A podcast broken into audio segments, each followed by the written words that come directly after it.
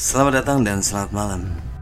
Kembali lagi di Narator di Rumah Indonesia Menjumpai kalian untuk membacakan sebuah cerita horor. Dan malam hari ini kita akan melanjutkan Pengalamannya Mas Reza ketika dia nginep di sebuah villa di Semarang. Jadi Reza dan keluarganya ini menginap di Villa PA Semarang Ketika keluarga besar mereka menghadiri acara pernikahan saudaranya. Sekitar jam satu malam Ketika Reza ngegame Dia mendengar suara ketawa dari jendela yang dibiarkan terbuka dan ketika dilihat, ada sesosok kuntilanak yang sedang duduk sambil mengayunkan kaki di sebuah pohon. Nah, saya akan melanjutkan ceritanya dengan sudut pandang Mas Reza. Oke, sobat RI semuanya, inilah dia. Pocong Villa Semarang. Setelah aku melihat sosok kunti di pohon tadi, aku langsung pindah karena aku malas untuk berhadapan, apalagi berinteraksi dengannya. Masih di ruang tamu atau ruang TV Aku memutuskan untuk pindah tempat yang tadinya aku duduk dekat jendela. Sekarang aku sudah cukup jauh dari tempat tersebut. Dan untungnya ruang tamu ini memang lega dan luas. Sebenarnya di ruang TV ini aku tidak sendiri. Aku duduk di dekat kamar mandi Sedangkan di sudut yang lain ada omku yang tengah tertidur. Jujur aku juga ingin tidur di sini. Tapi mataku ini susah sekali terpejam Tentunya ini gara-gara aku tidur cukup lama sehabis maghrib tadi. Aku kembali memaksakan diri untuk tidur. Namun mata ini susah terlelap. Lebih lagi, setiap coba tidur, muncul berbagai pikiran buruk dan aku jadi gelisah. Ketika terpejam, aku terbayang-bayang kalau aku sampai tidur, maka akan terjadi hal yang buruk dengan keluargaku. Bayangan seperti firasat akan muncul orang-orang jahat yang akan masuk dan memberondong keluargaku dengan senjata api. Sampai kami semua tidak akan selamat Muncul di benakku begitu saja. Aku berpikir kalau aku ingin keluargaku selamat Maka aku harus begadang dan berjaga-jaga sampai pagi. Supaya misi begadangku ini sukses Maka aku minta tolong dengan temanku Buat chattingan dengan aku di WA Untungnya temanku mau. Pukul 2 dini hari Kondisi kamar mandi yang terbuka membuatku jadi paranoid. Aku ingin segera menutup pintu kamar mandi.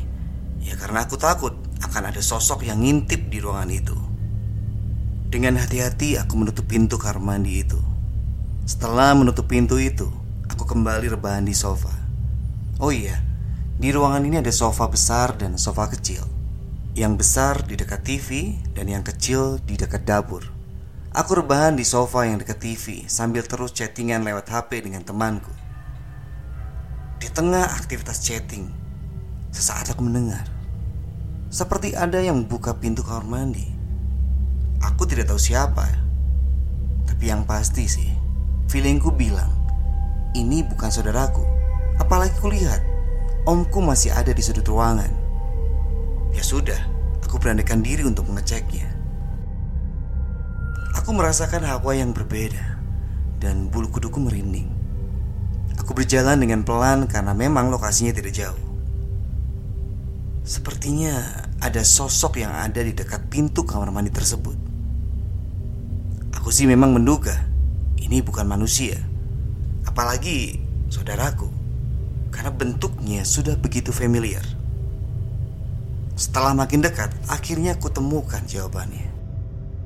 Sesosok pocong dengan kain kafan lusuh berdiri di dekat pintu itu. Posok pocong itu tetap sama dengan pocong kebanyakan, yaitu tangannya tersembunyi di dalam kain kafan. Namun anehnya, bagaimana dia bisa membuka pintu tanpa menggunakan tangannya? Ah, sudahlah. Buat apa juga aku mikirin cara pocong buka pintu? Melihat pemandangan ganjil itu, aku kembali ke sofa di dekat TV dengan langkah pelan. Aku takut kalau pocong itu nyamperin. Apalagi tiba-tiba muncul di depanku. Setibanya di sofa, aku berusaha keras untuk merem. Dan syukurlah akhirnya aku pun tertidur. Keesokan harinya aku menemui nenek dan bertanya, Nek, Reza semalam melihat kuntilanak di luar jendela dekat pohon yang itu. Kataku sambil menunjuk keluar villa. Dan bukan itu aja nek Pintu kamar mandi yang tadinya Reza udah tutup Kebuka sendiri Padahal jelas-jelas gak ada angin Dan aku yakin nek kalau itu bukan saudara-saudara kita.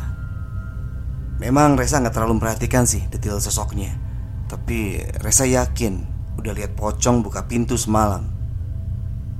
Menurut penjelasan nenekku, villa ini emang ada penghuni yang tak kasat mata. Karena villa ini udah dibiarin lama tidak terurus dan relatif baru dirawat dan ditempati sekarang. Lebih lanjut nenekku berkata bahwa bangunan di depan kolam renang itu adalah bangunan yang tidak dihuni dan tidak dibersihkan oleh pemilik villa. Alhasil, karena lama nggak terpakai, tempat ini dijadikan hunian makhluk gaib yang tidak suka ketika ada manusia beraktivitas di sekitarnya. Oke, itulah akhir dari cerita kita.